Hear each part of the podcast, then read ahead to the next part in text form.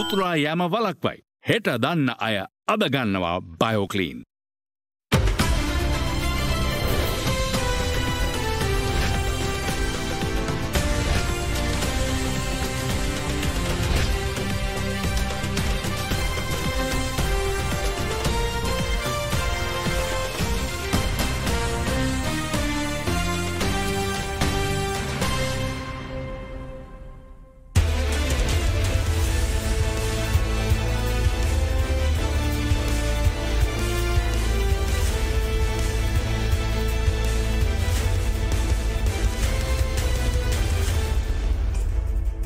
Ivan සුරූදෑසනක් අදත් සුපුරුදු වේලාවට බික්‍ෆෝකස් සංවාදය සමගින් ඔබ එක් වන්නේ.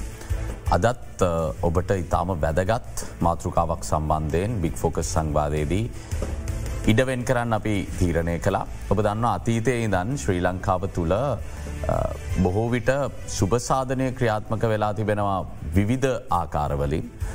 සමුෘදිය ඒ අතරින් විශේෂයි. කොහොමුණත් මේ ආර්ථික අර්බුදයේ ආරම්භයත් එක්ක ආර්ථික අර්බුදය බොහොම තදින් අපිට දැනෙන්න්නට පටන් ගැනීමත් එක්ක. ජාත්‍යන්ත්‍ර මූල්‍ය අරමුදල පවා අපිට යෝජනා කරා වඩාත් නිවරදිආකාරයෙන් ඉලක්ක ගත වෙච්ච සමාජ සුභසාධන වැඩසටහනක් ආරම්භ කිරීමේ වැදගත්කම. යනුව තමයි පසුගිය වර්ෂයේ මුලබාගේ අස්වැසුම ආරම්භ කෙරුණේ අස්වැසුම සම්බන්ධයෙන් විධ මතවාද තිබෙනවා. නමුත් මේ වන විට අස්වැසුම සඳහා සුදුසුකම්ලාබීන් ලක්ෂ දහටක් පමණ තෝරාගෙන ඔවුන්ට අවශ්‍ය ප්‍රතිලාබ ලබාදීම ආරම්භ කරල තිබෙනවා. අද අපි සූදානමි සිරින්නේ මේ වැඩසරහනය ප්‍රගතිය. ඒ වගේම මේ වන විට වැඩසරහන මුහුණදීල තියෙන අභියෝග. ඉදිරියේදී වැඩසරහනේ සැලසුම් පිළිබඳව සාකච්ඡා කරන්න. මේ සාකච්ඡාව සඳහපි ඇරයුම් කලා සුභසාධක ප්‍රතිලාප මණ්ඩලේ සභහපති ඒ වගේම කොමසාරිස් ජයන්ත විජේරත්න මහත්මයට අයිවන් කියල සභපත්තුව පිළිගන්න. සභපත්තුම දැන් ලක්ෂ දහටක් පමණ සුදුසුකම් ලැබුව අස්වැසුම සඳහා නමුත් දෙසැම්බර් මාසේ ගෙවීම් සිදු කල්ල තියෙන ප්‍රතිලාබ ලබාදීල තියෙන පිරිස සම්බන්ධය සොයා බැලිමක් කරාම ලක්ෂ දා හතරකට මදක් වැඩියෙන් තමයි ප්‍රතිලාබ හිමි වෙලා තියෙන්නේ. ලක්ෂ හතරක පමණ අඩුවක් තියෙනවා. මොකක්ද මේකට හේතුව. ඕ මහිතන්නේ සංඛ්‍යාලයකන බැලුවහම ඇතරම ලක්ෂ දහටක් නෙවෙයි ලක්ෂ දාහතයි වගේ සංඛ්‍යාවක් තමයි මූලික වශයෙන් තෝරගත්තේ එකන්නේ මේ සඳහා ඉල්ලුම් පත්‍ර ලක්ෂ තිස් සතක් ඉදිරිපත් වුණ. ඒ අත් අත්තරින් සංගණනයට භාජනය වුණා. ලක්ෂ තිස් සතරකට මදක් වැඩි ප්‍රමාණයක්. ඒ අත්තරින් ලක්ෂ දාහතක් ඔබතුමා කිව්වගේ තපොඩක් වැඩියෙන් ගත්තොත් ලක්ෂදා හතකට වැඩියෙන් මූලික වශයෙන් මේ සුසුකම් ලැබවා. තර ඒ අය අත්තරින් දැන් ලක්ෂ දාහතරක්කට වඩා මදක් වැඩි ප්‍රමාණයකට අපි දෙසැම්බර් මාසය වෙනකොට ගිවීම් කරලා අවසාන කරලා තියෙනවා. එකන අපි ආහතර ලක්ෂ දස දහස් හැට හතර හටරටම අත හරියටම ගොත් එක දැන් කෙනෙකුට ප්‍රශ්නය නැගන්න පුළුවන්. තව ලක්ෂ තුනක් විතර ඉන්නවා. එයට කවදද ලැබෙන්නේ කියල. ඔවු අත්වශයම කිව්වාම දැන් මේ ලක්ෂ තුන අතර ඉන්නවා විවිධ ගැටලු තියෙන පිරිස් උදාහරණයක් විදිරගත්තොත් සමහරයගේ හැඳුනුම් පත පිළිබඳ ප්‍රශ්නය. සමහරඇති ඉන්නවා එකම ඉලක් එකම අංකේ තියෙන අය හැඳුනුම් පත් දෙන්නෙකුට එකම අංකේ තියෙන ඇත් ඉන්න. ඒ වගේම ගිනුම් සම්බන්ධ ප්‍රශ්න තියෙනවා. ද මේවා නිරාකරණය කරමින් තමයි අපි ඉස්සරහට ආවේ බැංකු ගිනුම් සම්බන්ධ දැ මුලින්ම අපි ජුලයි මාසිට ගියොත් අපි ලක්ෂ අටක් විතර පවුල් සංඛ්‍යාවකට ගෙව්වේ ඔව අපි ක්‍රමක් ක්‍රමය මේවා විසඳගෙන විසඳගෙන ඇවිල්ලා දෙසැම්බර් මාසය වෙනකට අපි දහතර ලක්ෂයටත් පොඩ්ඩක් පැඩිවෙන්න ප්‍රමාණයකට එක වැඩි කරගත්තා. හැබ තවත් අපිට ලක්ෂ තුනකට ආසන්න ප්‍රමාණයක් තියෙනවා ඒ ප්‍රශ්න විසඳගන්න. ති මේ ප්‍රශ්න විසඳ ගැනීමේදී එකක් තමයි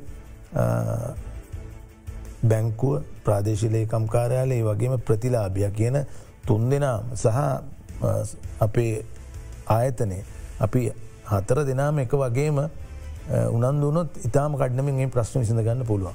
නමුත් අවාසනාවකට අපිට ඒ විදිහට මේ කටයුත්ත සිද්ධ නොවුණු නිසා තවත් ලක්ෂ තුනක් විතර ප්‍රමාණයක් සුදුසුකම් ලබපු හෙත් දෙමනාව නොලැබෙන පිරිසක් ඉන්නවා.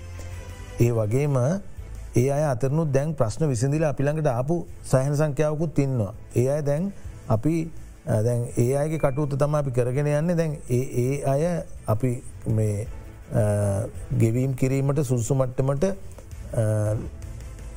අනුමත කරගෙන තියනවා. දැන් අපිට ඇත්තරම කරන්න තියෙන්නේ අපි ජනවාරි අපි උත්සාහ කරනවා දෙසැම්බර් මාසේ තවත් ඒ වගේ කණ්ඩායමකට ගෙවන්න උත්සාහයකද ඉන්නවා. නමුත් අපි දන්න අපි දැන් දෙසැම්බර් මාසමේ අවසාන සතියේ හුගක් නිවාඩු වැඩි කාලයක්.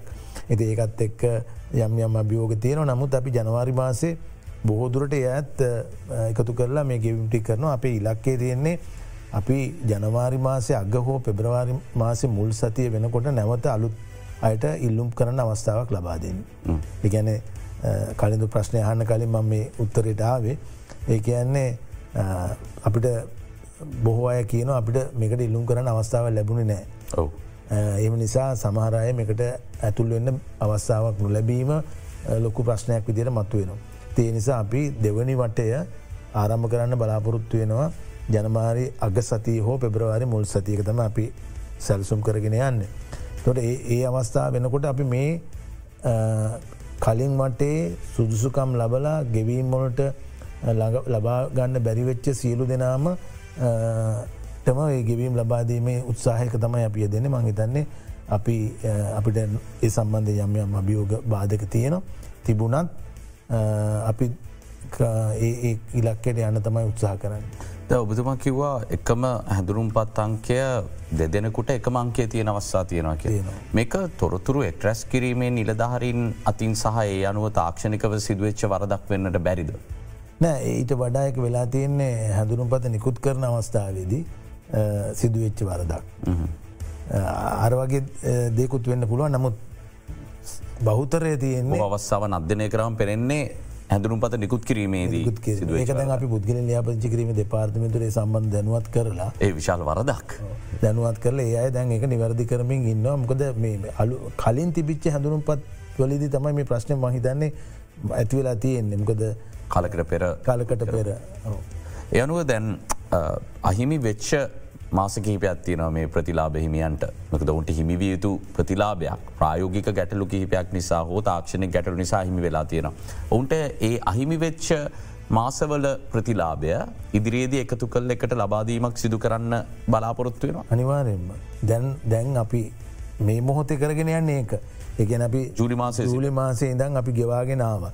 උදාහරණයක් ඇත ජුලි මාසේ ලක්ෂ අටකට ගෙව්වනන් එතකොට දැන් අපි ලක්ෂ දාහතරකට ගෙවනකොට ලක්ෂ හතරක් ඉන්න ජුලයි මාසේ හම්බෙච්ච නැති කට්ටිය. අගෝස්තු මාසයකට තවටියක් වැඩි වෙලා තියෙන මේ විදියට ගිහිල්ලා අර නොලැබිච්ච මාස කීපයක් තියෙනවා සමහර ප්‍රතිලාබීන්ට ඒ අයගේ මුදල් අපි අදාළ මාසවල මුදල් ගෙවනවා. යනු එකවර ලබාදීමක් වෙන ජූරි මාසේ දං අපිගම ජනවාරි මාසේ තම මුලින්ම මේ ගැටලු නිරාකරණය වෙන්නේ කෙනෙකුගේ ගිනුමේ. තුට ජූලි මාසේ දන් සියලු මාසවල ප්‍රතිලාබයකට එකතු කල්ල බැංකු ගිනුමට බැරකිරීමක් වෙන එම එහම තමයි දැන් අපි කරගෙන යන් බලන්න. හොද සබතුම ඇතනි නිස්සරට අද්දී බැංකු ගිනුම් ගැන කතා කරද්දි. කොතනද මෙතන ප්‍රශ්න ඇතිවෙලා තියනෙ උන්ට එකන්න බැංකු ගිනුමක් විවෘත කර ගැනීම පහසුතා තිබෙනවා ඔබතුමාලගේ අධ්‍යනයට අනුව ඒ අනුව ප්‍රාදේශය නිලධහරින් කොහොමද මේක විසදන්න මැදිහත් වෙලා තියෙන මේ වෙද්‍ය මේ ගැන කතාකරොත්. ඕ මංහිතන මේක මේ වගේ අත්දැකීමක් පලවෙනි වතාවට තමයි මේ ප්‍රතිලාබීන් මුණ දෙන්නේ. සාමාන්‍යෙන් කලින් සුභසාධන වැඩසටහන් වල එන්න කියලා අතර තමයි මුදල් දෙන්න. දෙන්න එම නැත්තං ඒකට අදාළ වූ ආයතන පද්ධතියක් කරහ තමයික සිද්ධ වනේ. නමුත් මේ අවස්ථාවේදී සාමාන්‍යයෙන් කෙරෙන්නේ අපේ සෙන්ටල් බෑංක එක කියන්නේ මහබැංකුව නියාමනය කරන බැංකු හරහා පමණයි අපි මේ ප්‍රතිලාබය ජනතාවට ලබා දෙන්න. තොට එහෙම බැලුවහම ගිනුම් නැති සෑහන පිරිසකුත් ඒ අවස්ථාව ඉඳල තියෙනවා.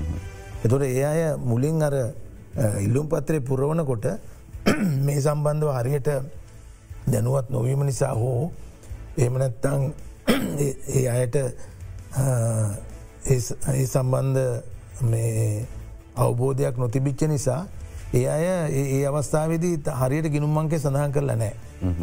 එනිසා යට අලුතෙන් සමහරයට ගිනුම් ආරම්භ කරන්න සිද්ධ වුණ ගිනුමක් තිබ්බේ නැති ඇත් තිරියද මේ අනිවාරයෙන්ම අලුතෙම ගිනුම් ආරම්භ කරපු සෑහන පිරිසකුත් ඉන්නවා.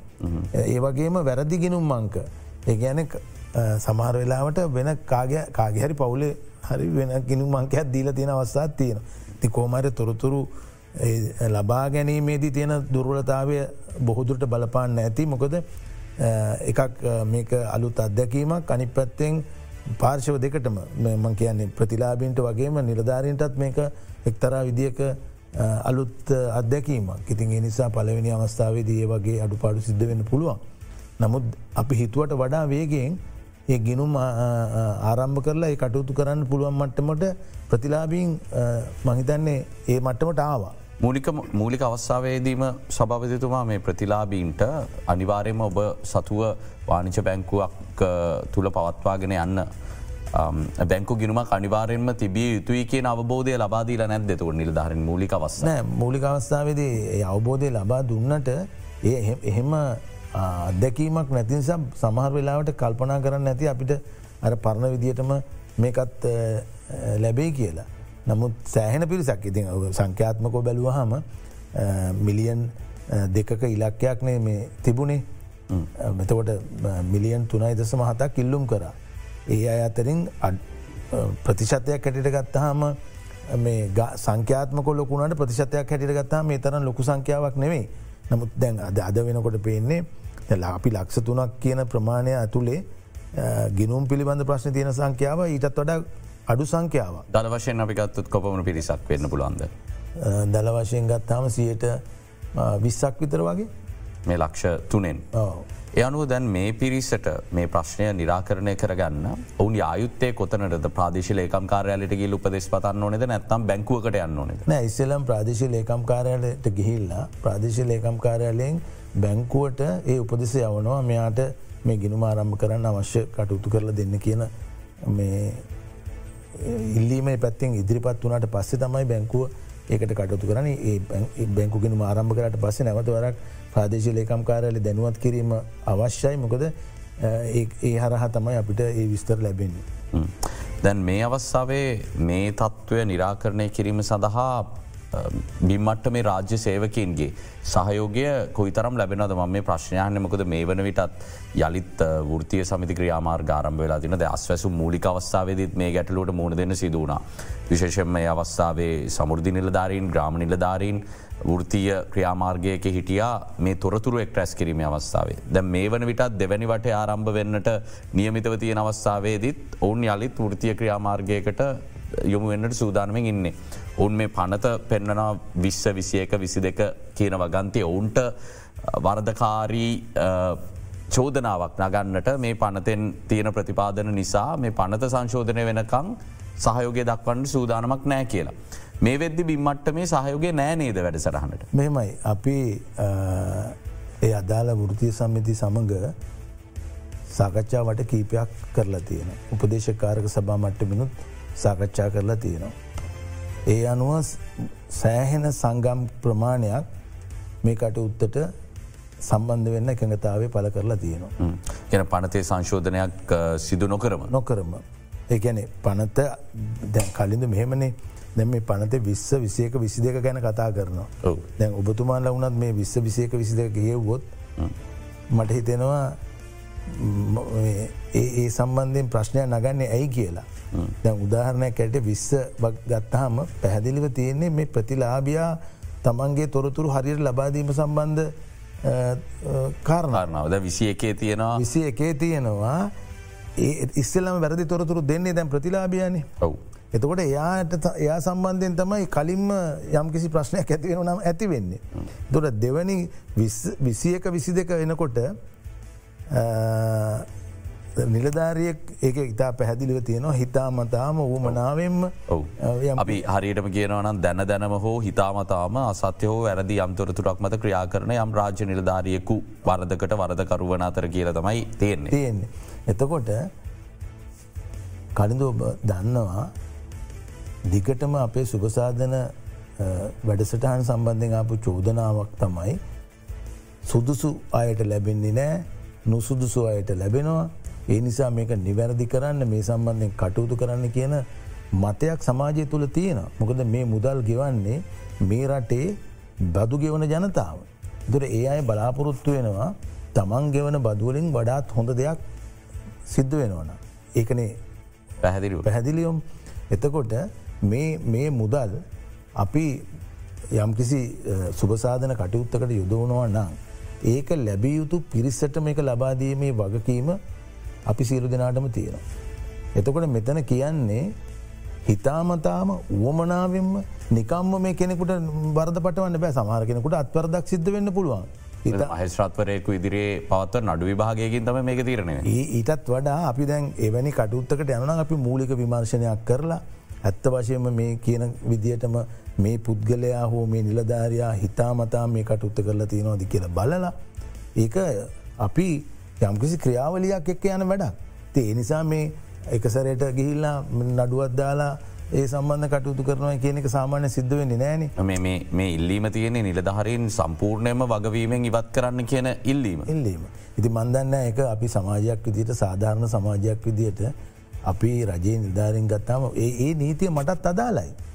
ඒ නීතිය අනෙකුත් අපි පද්ධතියන සියලු නිර්ධාරයට අදාලයි.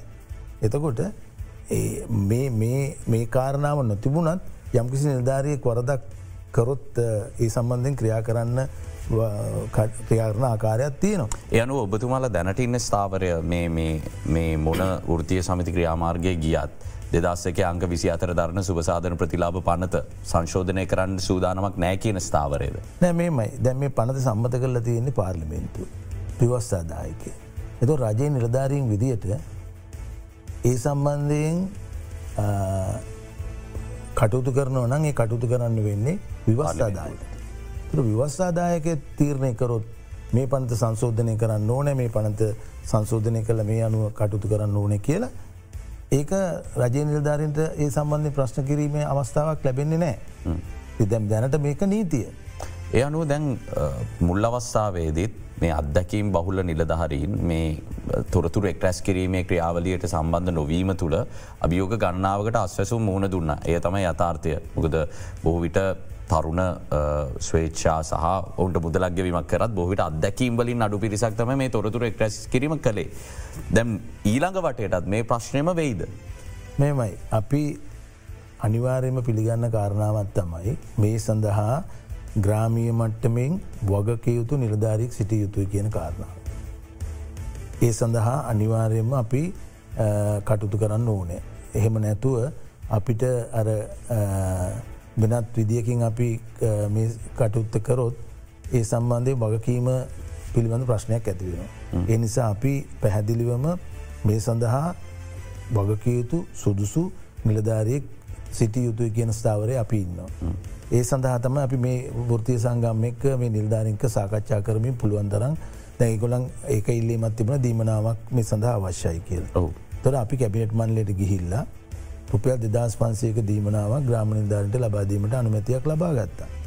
තන මේ අවස්ථාවට දස් පන්සියක් කියන්න එක දෛනික දීමනාව මාසික මාසික දීමනාව. ඒ කියන්නේ ඔබතුමා දන්නවා ග්‍රාමනිධාරින් දාහතර දහක් පමණ ඉන්නවා. ඔවු. එතෝට අපි අපි බැලුත්තේම මාසකට දෙදස් පන්සිය ගාන දාහතර දාකටත් වැඩි ප්‍රමාණයක් ගෙවන්න ඕනේ. නමුත් මේ කටයුත්තේ තියෙන වැදගත්කම නිසා.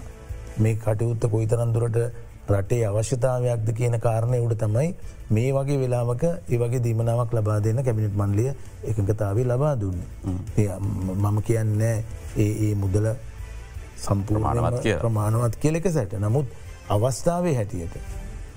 එතනින් අපිට ආරම්භයක් ගන්න පුළුවන්.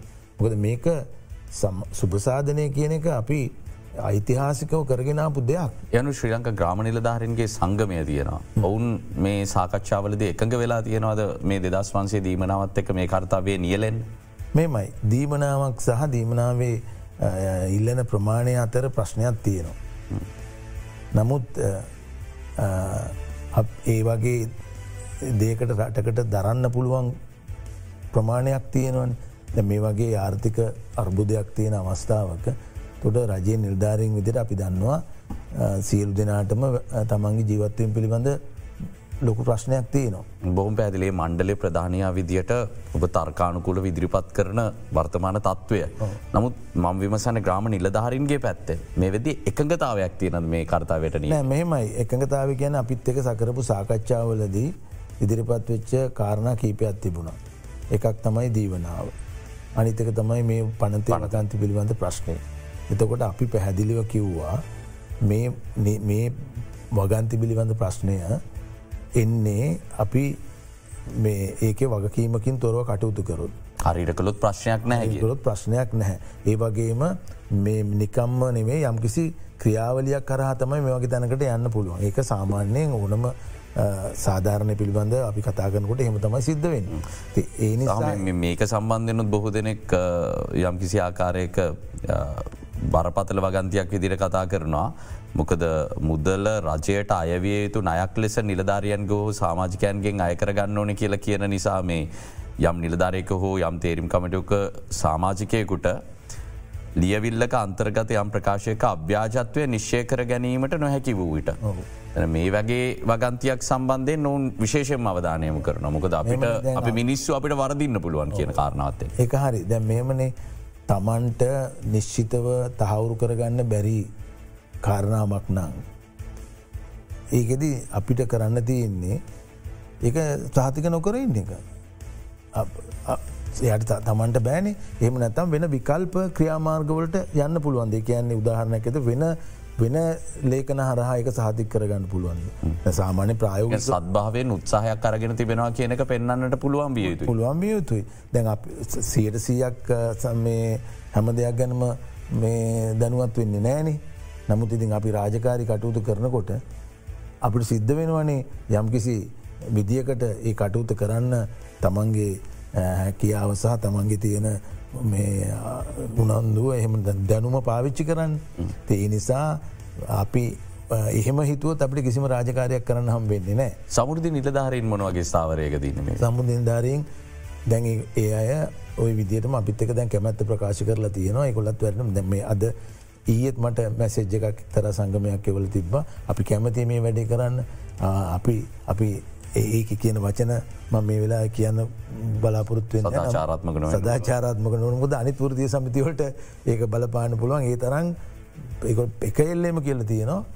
අපි මේ විසික විසික වගන්ති සම්බන්ධය ප්‍රශ්නයක් අපිට දැනට නෑ අපි මෙහමගත්තුත් සභවත්තුමා මේ කර්තාව්‍ය සාර්ථකව සිදු කරගන්නට අවශ්‍ය කරන නිලධහරී සංඛ්‍යාවෙන්. මේ වෙද්දි මේ සඳහා ධනාත්මක ප්‍රතිචාරයක් දක්වල තියෙන ප්‍රතිශතය මොන වගේ වෙන්න පුළුවන්.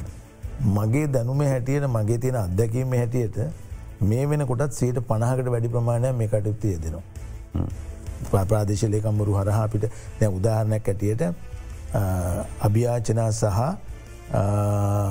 විරෝධතා ලක්ෂ එකොළහකට ආසන්න ප්‍රමාණයක් තිබුණ. ම ඇතට එන්නම්. අපි කෙටි විරාමකට ඇතු ඊළඟට ඇතට තමයි කොමති යොමු වන්නට සිටිය. මොකද මේ සම්බන්ධයෙන් එල්ලවන විවිධ චෝදනා අතර මේ අභ්‍යාචනා සහ ඒවා විභාග කිරීමට ගත වෙන කාලසීම විතාම දීර්ගයි කියන චෝදනා වෙල්ලන අපි මේ ගැන කතා කරමු ඊට මත්තෙන් ලබා දෙන්න කෙටි විරාමය.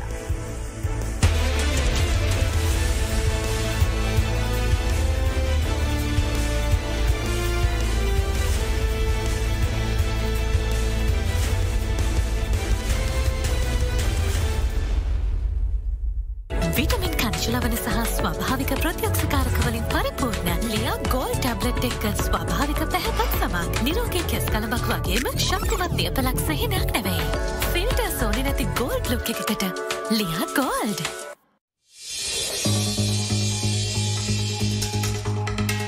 කුතේකක රස උපරිමයි උකු කතය පිරි වීවතේක සුපිරි. Gold supreme chicken sausages kilo එක පැකට්ුවකින් රුපියල් තුන්සිය පණහක සුපිරීතිරයක්.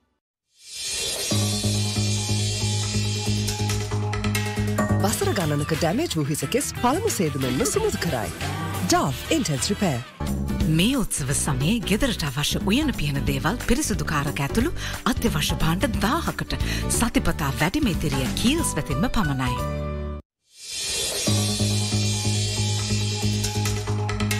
වසර ගණනක ඩැමේජ් වූ හිසකෙස් පළමු සේදුමෙන්ම සුමුදු කරයි. ඩාව් ඉන්ටන්ස් රිපෑ.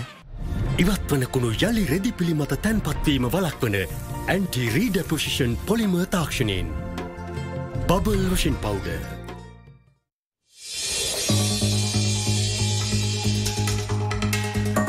මේ උත්සව සමයේ සතිපතා බාණ්ඩ දාහකට වැඩිමිතිරිය කීල්ස් වෙතෙන්ම පමණයි. විටමින් කංශලවන සහ ස්වභාවික ප්‍රත්‍යක්ෂකාරකවලින් පරිපූර්ණ ලියා ගෝල් ටැබ්ලට් එක්ක ස්වභාවික පැහැපත් සමක් නිරෝගී කෙස් කලබක් වගේම ශක්තිවත් දියපලක් සහිනයක් නැවෙයි. ෆිල්ට සෝනි නැති ගෝල්ඩ් ලුක් එකකට ලියා gold.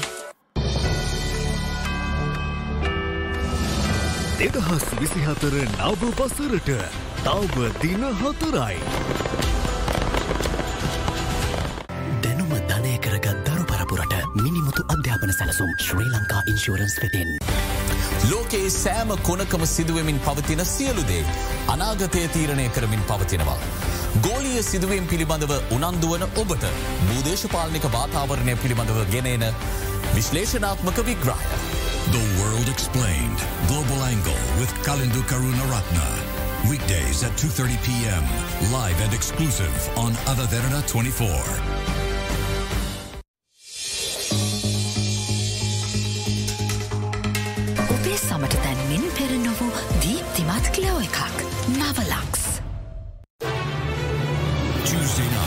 2024. On the next episode of Get Real, Law and Order, What's in Store for 2024. Joining the conversation, Minister of Justice Dr. Wijadasa Rajapaksa. For a real view, real opinion, and an honest conversation, it's time to Get Real with Mahesh Jani. Fresh episode airs on Tuesday, the 2nd of January 2024 at 7 p.m. exclusively on Adaderna 24. යළි හිස ඔසවන සරම්ප. ලවන බාධකය ගැන බලධාරින්ගේ ඇස්සැරේ. යුක්තියෙන් තවත් පිරිසක් අත්තඩංගුවට. පවුල්වල මාසික ආදායම පහලට. ඉන්දන පරිභෝජනයේ අඩුවක්. පුල්ටෑන් ගහපු කට්ටිය අපි ඔය පන්සේ ගහගෙන යන්න අපිරත් දැන් රත්සාාවන් නැතිවෙන එකක් වගේ තියෙන් වෙරලට ගොඩ ගැසූ අමුතු බෝට්ටුව. සුදු අලියෙක් වුණ ජල ටැංකිය. වැස්සට තෙමෙන ඉස්කෝලේ. විජයකාන්ත් මියයයි. අද දෙරන දහවල් දොළහට.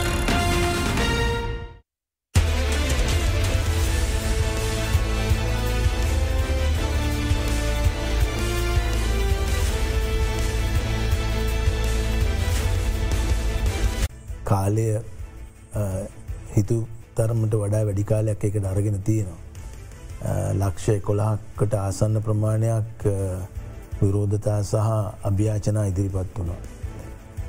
දැනට මේ වෙනකොට සියට පණහක් වගේ ප්‍රමාණයක් තමයි ඒ කටයුත අවසාන වෙලා තියෙන. නමුත් අපි බැලුවහම අපි මේක විශ්ලේෂණය කරහම මේ අභ්‍යාචනා අතරින් අපි දැක්කා දැන් උදාහරණයක් ඇටියට ඉතාම දුප්පත් කියන කණ්ඩායමට එකන් රුපල් පාලුස් දහක් ලැබෙන කණ්ඩායමේ අයත් අභ්‍යාචනා දාලතිය. එයට තවත් ඉටහා එකක් නෑ. ඒකින් අපිට පේනවා මේ අභ්‍යාචනා දාන අවස්ථාවේදී වනත් පැහැදිලි අවබෝධයකින් තොරව තමයි මේ අභ්‍යාචනා දාලතින් දැන් ඒ නිසාම එයාගේ අභ්‍යාචනාව විභාග වෙනකං එයාට මුදල් ලැබෙන්න.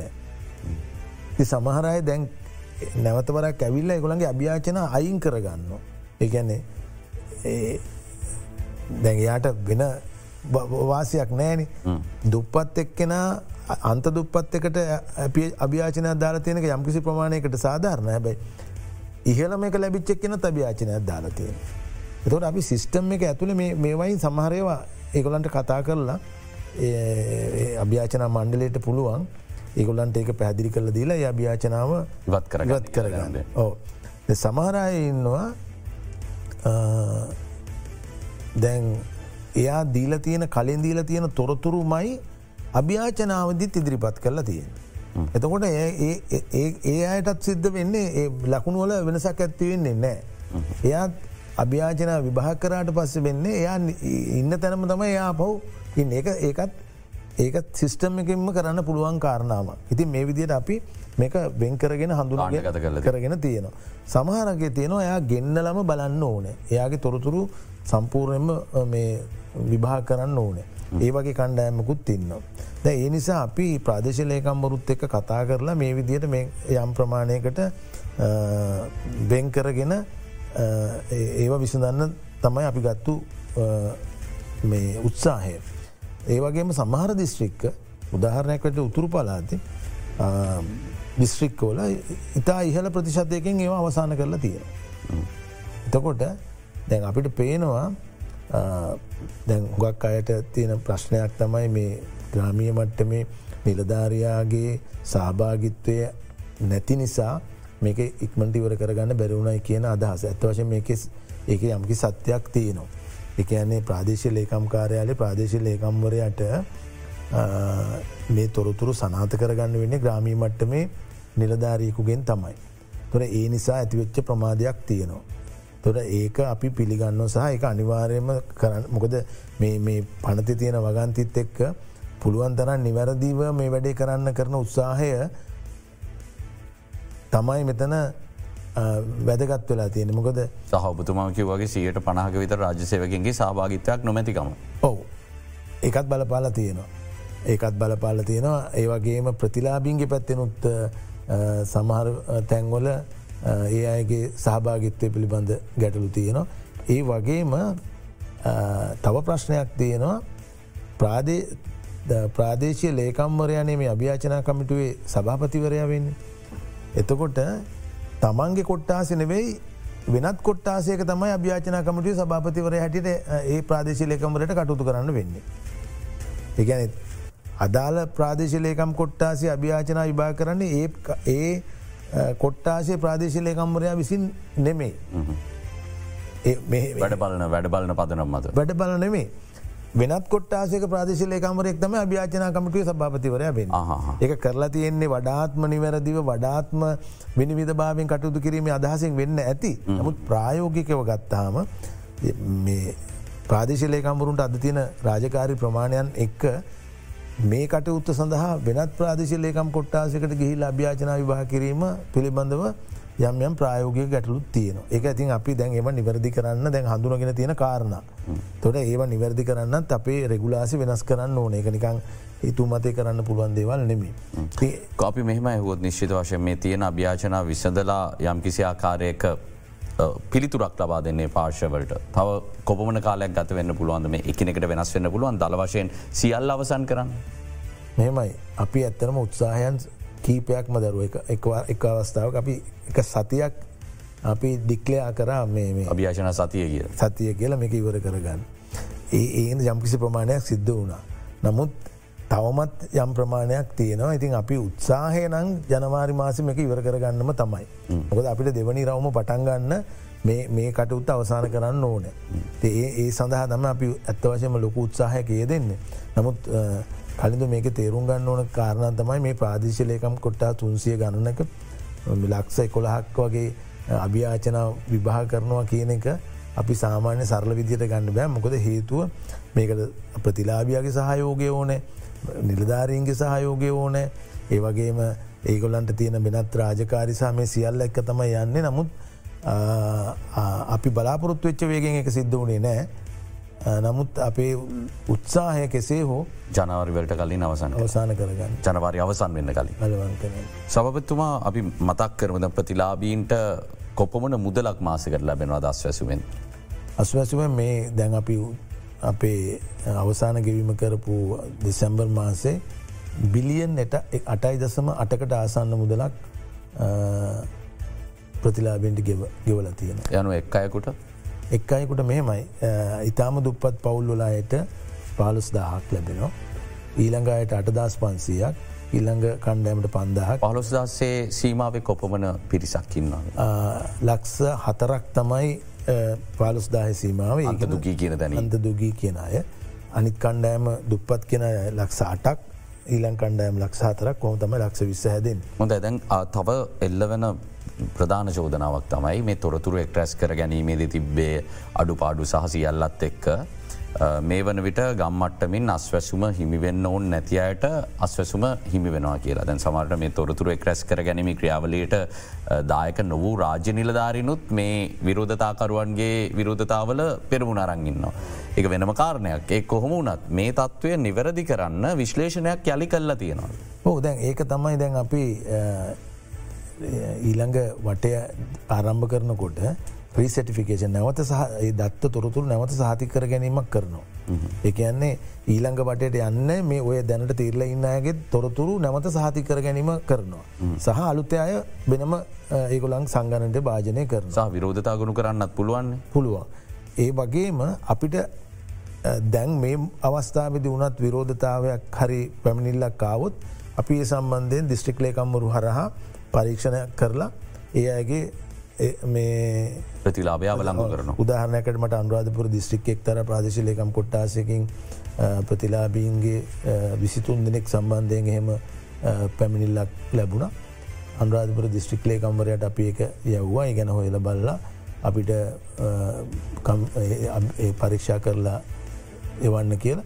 ඒ අනුව ඒ පරීක්ෂණය කරලා අපිට එවල තිබුණ ඒ අය අතරින් දෙන්නෙකුට විතරයි ප්‍රශ්න තිබුණ. අනිත්තයි සාධාරණව නිවරදිව තේරුණු බව තමයි පරීක්ෂණයෙන් තාවරුණේ ඒ දෙන්නගෙනුත් එක්කෙනෙක් සංගණනය කරන අවස්ථාමිනකොට රට ගිහිල්ල නෑ එකන මැද පෙරදික ප්‍රස්සාාවකට ගේපු කාන්තාවක්. එයා ගිහිල්ල තියෙන මේ පහුගේ මාස එකන් සංගණට පසුව. තොට අර සංගණනය කරන අවස්ථාව වෙනකොට යාට ලකුණු ප්‍රමාණය හරි. තොට ඊට පස්සෙ තමයි මෙයා මේ යන්න. එතන් ඒකත් අපි ඒ කාලේ අරලා ඉතිරි කාලේ අපි එයාව අයින් කරන්න බලනවා. ඒ වගේම තවත් එක් කෙනෙක් හිටිය දෙන්නගේ අපි අයින් කරන්න තිරණය කර. තෝට ොඩි යලි සලකා බැලීමක් කරනවා කියන අනිවාරය අනිවාරය මොකද අපි අපි දැනට අපිට අපි උත්සාහයක යෙදුනේ කෙසේ හෝ මේ ප්‍රතිලාභය ජනතාවට සාධාරණව ලබාදීමේ ක්‍රියාදාමය ඉක්මට කරගෙන යන්න. නමුත් දැන් අපි ඊළඟ අවධානය වැඩියෙන් ඊළඟට යොමු වෙනවා මේ ක්‍රියාදාමය තුළ යම් කිසි වරදක් සිද්ධ වෙලා තියෙනවනම් වැරදි සහගත තුලත තොරතුරු ලබාදීලා මේ මුදල් අරගෙන තිනනම් ඒවා නැමත අය කරගන්න. සහ ඒ වගේම ලබාගන්න බැරිවෙච්ච පිරිසක්කින්න ඕන ඒ අය අර අලුත් වටයේදී මේ සමාජාරක්ෂණ දැලට දැලට එක් කරගන්න. කොහුණත් දැන් දෙදස් විසි හතර අවුරුද්දේදී වඩාත් නවීකරණයකින් සහ සංශෝධන සහිතව පසු විපරමක් කල්ලා මේ අස්වැසුම ක්‍රියාත්ම කරනවා කියලා රාජ්‍ය අමාත්‍යවරයත් සඳහන් කලා. මොකක්ද මේ කතා කරන නවීකරණය මොකක්ද කතා කරන සංශෝධන. ඕ දැන් අපි අවුරුද්ධක අත්දැකීම තියෙනවන අපිට අපි අවුරුද්දක් මේ කටයුත්ත කරලා අපිට විශාල අධ්‍යකින් ප්‍රමාණයක් ලැබිල තිබෙනවා. අපි ඒකෙන් තේරුම් ගන්න ඕනේ අපි ඊළඟ වටයට යනවනන් ඒ අත්දැකින් පාවිච්චි කරලා වඩාත් නිවැරදිව කිරීම උදාහරණයකෙට ආපු එක අදහසත් තමයි අපි පාවිච්චි කරපු නිර්ණයක ඉතාම සංකීර්ණ වැඩි කියල සමාරයගේ අදහසත් තියෙන ඔවු. එතකොට අපි ඒ සඳහා දැන් තාක්ෂණ කමිටුවක් පත් කරලා තියෙනවා. සංඛ්‍යාලයකන දෙපාර්තමේන්තුව සහ අපේ සැලසුම් දෙපාර්තමේන්තුව ඇතුළුව මේ සම්බන්ධයෙන් නැවත සමාලෝචනය කරලා ඒ නිර්ණායක සම්බන්ධයෙන් ඊළඟ වටේදී යම්කිසි සංශෝධනයක් කළ යුතුද නැද්ද කරනවනම් කොයි විදිරත කරන්න කෙනෙක් පිළිබඳ අපිට වාර්තා කරන. ඒ සඳහා අපි විද්වතුන්ගේ සහය ලබාගන්න විශේෂෙන් අපි ඒ සඳහා කොළම් විශ්වවිද්‍යාලයේ මහචර් ලක්ෂ්ම දිසානායක වගේ අයගේ දායකත්වය විද්වතුන්ගේ දායකත්වයත් ලබාගෙන එක කරන්න. ඒ වගේම අනෙකුත් කාරණ සම්බන්ධයනුත් අපි සමාලෝචනයක් කරලා තමයි ඊළඟ වටයට යන්නේ. හොද අපි අපිත් තේරුම් ගරන් තියෙන සමහර දෙවල්. උදාහරණයක් විදියට ගත්තාම අර්මම කිව්ව විදියට අභ්‍යාචනා ක්‍රියාවලිය තුළ අපි මිට වඩා වෙනස් කළ යුතු තැන් මොනවද කියලා බල්ල තියෙන ක්‍රියාවලිය වේගවත් කරගන්න. වේගවත් කරගන්න. තිය නිසා අපි ඊළඟ අදීරට යන්න ඊට අවශ්‍ය වෙනස්කම් සහිතව තම යන්න බලාපොරොත්වෙන අපි දන්නවා අපිට දැන් එක අවබෝධ වෙලා තියෙනවා ඒවගේම අපි අපේ විශේෂඥ කණ්ඩායමක් පත් කරගත්තා. දැම් සති දෙකට විතර උඩද. එක එක විශේෂේත්‍රයවල දැගේ අය අපිත් එක්ක වැඩ කරනවා. ඒ අපි අවුරුද්ධකට මුල්ල අවස්ථාව බඳවගෙන අවුරුත්තුනක් දක්වා ඒ අපිත් එක්ක වැඩ කරන්න බලාපොරොත්තුවන මේ ප්‍රවීණයෝ විශේෂයෙන් එක එක විශේෂේත්‍රවල දැන් දුක් ගැන විලි සම්බන්ධව කටයුතු කරන්න වෙනම අපි ඒ පිළිබඳ විශේෂ දැනුමක් තියෙන කෙනෙක් බඳවගෙන තියෙන එතකොට එයාට අපි බාරදිල තියෙනවා මේ කටයුත්ත සම්බන්ධයෙන් සැලස්මක් අපිට ඉදිරිපත් කරන්න ඒ අනුව ඉදිරි කාලය කටුතු කරන්නේ කෝමනිතිය. හොඳ තවත් විරාමයක් ලබා දෙන්න විරාමෙන් අනතුරුව අපි තවදුරටත් අස්වැසම ගැන සාකච්ඡා කරන්න සූදන්මින්නවා.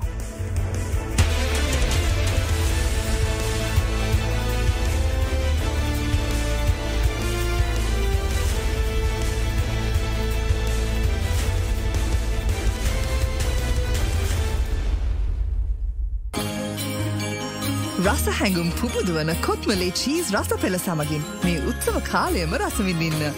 කොත්මලේ චීස් හැමෝටම හැම කාලිටම. ඔබේ සමට තැන්මින් පෙර නොවූ දීප්තිමත් කලෝ එකක් නවලක්ස්. පයෝකලීන් පිරිසිදු කිරීමෙන් පසුව පහසුවෙන් වියෝජනය වී අයි. හිතකර ශුද්‍ර ජීවින්ද ආරක්ෂාවී ස්වභාවික දිරාපත්වීමේ ක්‍රියාවලය අකණ්ඩව සිදුවේ. උතුරා යෑම වලක්වයි. හෙට දන්න අය අදගන්නවා බයෝකලීන්.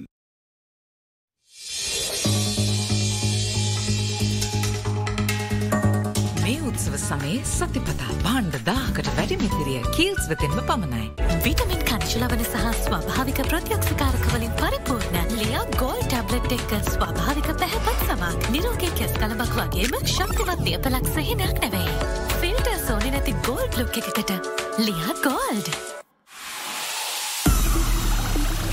මෝටසයක ඇත්තම කිව්වොත් සුපිරි සුපිරි සුපිරි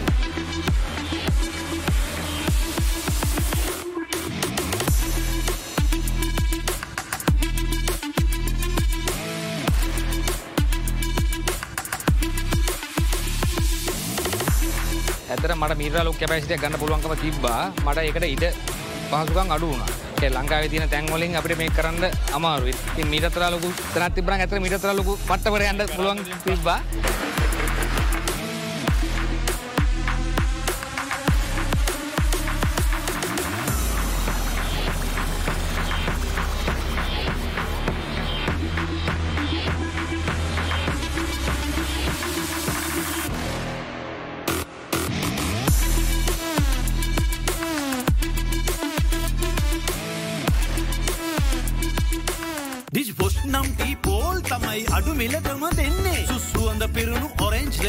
ඇයිලයි සුපිරනේ මිලෙන් අඩුම උපින් වැඩිම ටිෂ් වොෂ් එක ඩීපෝල් විටමින් කංශලවන සහ ස්වභාවික ප්‍රත්‍යක්ෂකාරකවලින් පරිපූර්ණ ලියා ගෝල් ටැබ්ලට් එක්ක ස්වභාවික පැහැපත් සමක් නිරෝගේ කෙස් කලබක් වගේම ශක්තිවත් දියපලක් සහිනයක් නැවෙයි.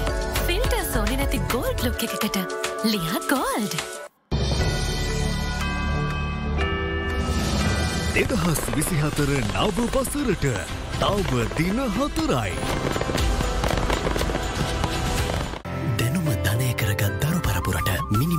මිනිමුතු අධ්‍යාපන සැලසුම් ශ්‍රී ලංකා ඉන්ශූරන්ස් වෙතින්. කුතේකක රස උපරිමයි උකු කතය පිරි වීවාතයක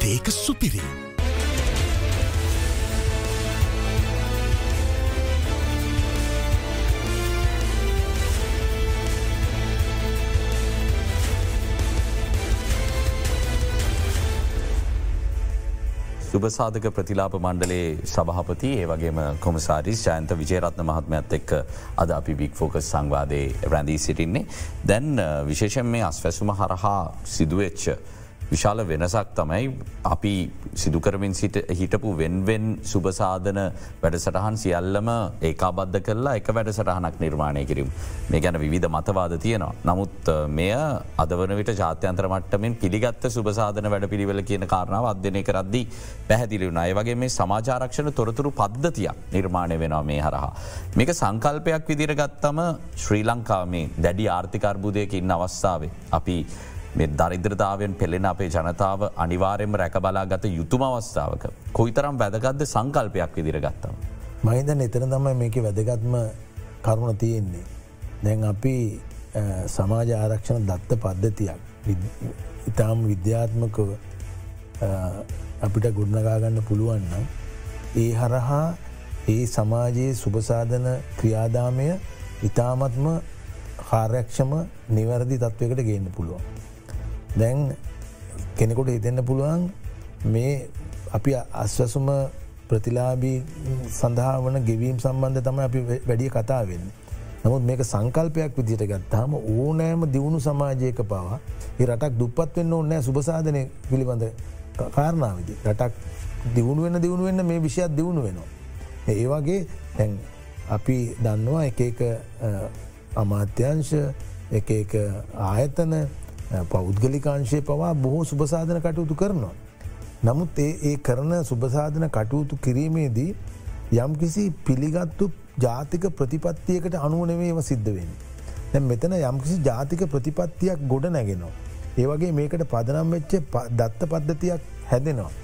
ඒ හරහා තමයි අපිට මේ සුපසාධන කටයුතු කරන්න සිද්ධ වෙන්නේ. දැන් උදාහරණය කටියට බෞද්ගලිකාංශය ආයතන පව අපිට දැන් කතා කරනවා ඒගොල්ල කරන සමහර වැඩසටහන්වට අවශ්‍ය තොරතුරු දත්ත මේ පද්ධති හරහා ලබා ගන්න. දැන් ඒකෙන් අදහස් වෙනවා නේද සුභසාධනය කියන කාරණාව මීට වඩා නිවැරදි තැනකට මේ හරහා ගෙනියන්න පුළුවන් වේ කියලා දැ උදාහරණයක් ගත්තම ඔබතුමාගේ ආයතනයත් හොඳ සුභසාධන කටයුත්තක් කරන මනුසත් දෙරන. ඒ ක්‍රියාදාමයත් සුභසාධනයට අදාලයි. එක්තරා විදික සුභසාධනයක්න එතකොට දැන් පෞද්ගලිකාංශත් විශාල වසයෙන් මෙව කරනවා. රාජ්‍යන්සයත් කරනවා. සමහර වෙලාවට එකම එකම ප්‍රජාවට මේ සියලු දේවල් ලැබෙනවා. සමහර තැන්වලට අවස්ථාව ලැබෙන්නේ නෑ. හැබැයි අපිට පුළුවන්නන් මේ වගේ දත්ත පද්ධතියක් පාවිච්චි කරලා ඒ හරහ ප්‍රතිලාබින් හඳුනගන්න ඒ හරහ ප්‍රතිලාබින් හඳුනගෙන මේ කටයුතු කරන්න මහිතන්න මීට වඩා සාධාරණ තත්ත්වයක් ගොඩනගා ගන්න පුළුවන් වේ. ඒක තමයි මහිතන්න මේක සංකල්පයක් විදිර ගත්තාම තියෙන වැදගත්කම්. ඒක කරන්න යන ගමනේ ආරම්භයක් තමයි අස්වැසුම වැඩ සටහන. හොඳයි දැන් අස්වැසුම ලබා දෙන්නේ අවුරුදු තුනකට. අවුරුදු තුනෙන් පස්සේ ප්‍රතිලාබියෙක්ගේ ජීවිතය නගා සිටුවන්න අස්වැසුමට තියෙන සැලස්මමකක්. මෙමයි මෙතන කාරණා දෙකක් තියෙනවා.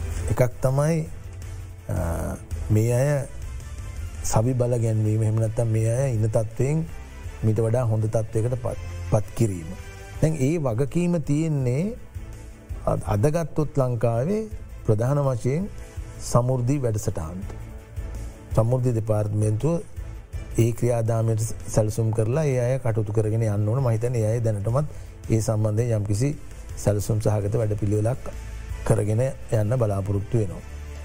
නමුත් අපි කරන්නේ අර සුභසාධනය ලැබියයුතු පිරිස හඳුනගෙන ඒ අයට සුභසාධනට අවශ්‍ය සහය ලබාදීමයි.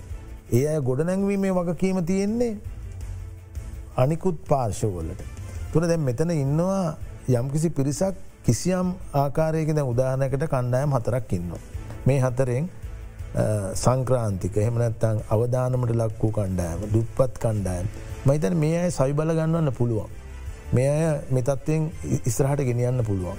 හැබයි අන්තදිලිඳු කියන කණ්ඩායම ඇතුළ ඉන්න පුළුවන් එහෙම සවි බල ගැන්වීමක් හෝ වෙනත් ආර්ථික කටයුත්තක නියලිලා යම්කිසි විදිියකින් ආර්ථික ශක්තිමත් කළ ස්වාධීනව ජීවත් වෙන්න පුළුවන් මට්ටමකට එන්න බැරි පිරිසක් ඉන්නවා. ඒ අය රැකබලා ගැනීම අනිවාරයෙන්ම සමාජය වගකීම.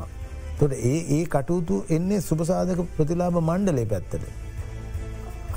ඉතිරි පියවර බොහෝදුරට සිද්ධ වෙන්නේ රාජ්‍යන්සේ තිය නනිකුත් අමාත්‍යංශ සමුෘදී වැඩසටාන ඒවගේම පෞද්ගලිකාංශය වගේ අයට තමයි වගකින් පැවරෙන් හැබැයි අපි අපිට පුළුවන්කම් තියෙන මෙන්න මේ අය මෙන්න මේ මට්ට මේ ඉන්න මෙන්න මේ අයගේ තොරතුරු මේවා මෙන්න මේ අයට මෙ මේ වගේ ව්‍යාපෘතිවලට ඇතුල් කරගන්න පුළුවන් කියන අදහස අපිට දෙන්න පුළුවන් මේ සමාජ ආරක්ෂණ දත්ත පද්ධතිය.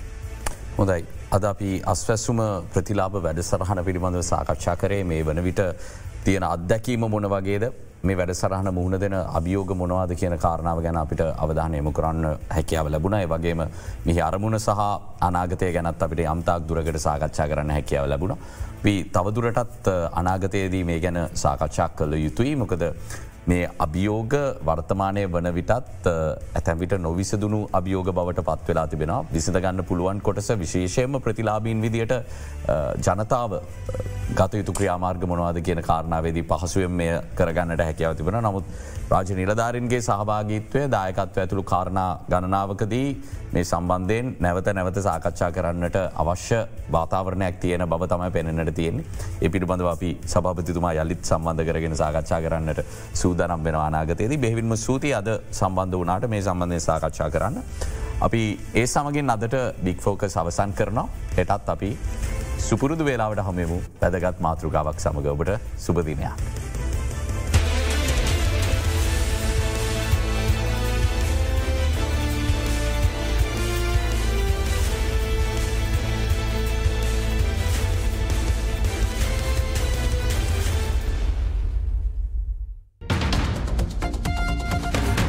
යළි හිස ඔසවන සරම්ප.